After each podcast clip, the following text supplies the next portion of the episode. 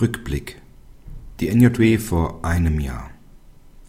Diese Verhandlung ist eine Farce, schrie eine von der Dauer des Scheidungsverfahrens genervte Noch-Ehefrau den Richter in der mündlichen Verhandlung an. Daraufhin verhängte der ein Ordnungsgeld in Höhe von 250 Euro wegen ungebührlichen Verhaltens gegen sie. Ihre Beschwerde gegen den Beschluss blieb erfolglos. Aber ihre Verfassungsbeschwerde hatte Erfolg in Heft 39 der NJW vom 24.09.2007 auf Seite 2839 ist die Entscheidung der Ersten Kammer des Ersten Senats nachzulesen.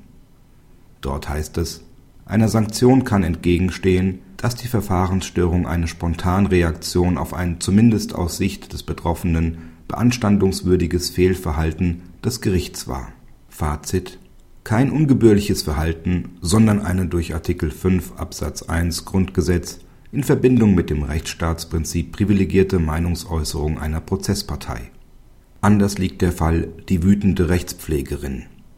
Sie platzte in die Beschlussverkündung eines Schöffengerichts, knallte eine angeforderte Akte auf den Richtertisch, gab einen Kommentar zu der ihrer Ansicht nach unzulänglichen Sitzungsvorbereitung des Vorsitzenden ab, beschwerte sich dass ihre Geschäftsstelle dadurch unbesetzt sei und verschwand, einen wohl kurzzeitig perplexen Vorsitzenden zurücklassend.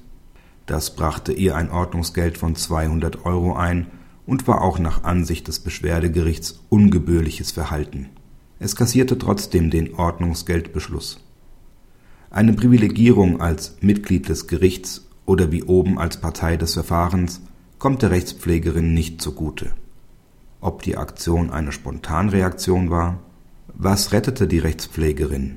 Das ist in der Entscheidung des OLG Köln in dieser NJW auf Seite 2865 nachzulesen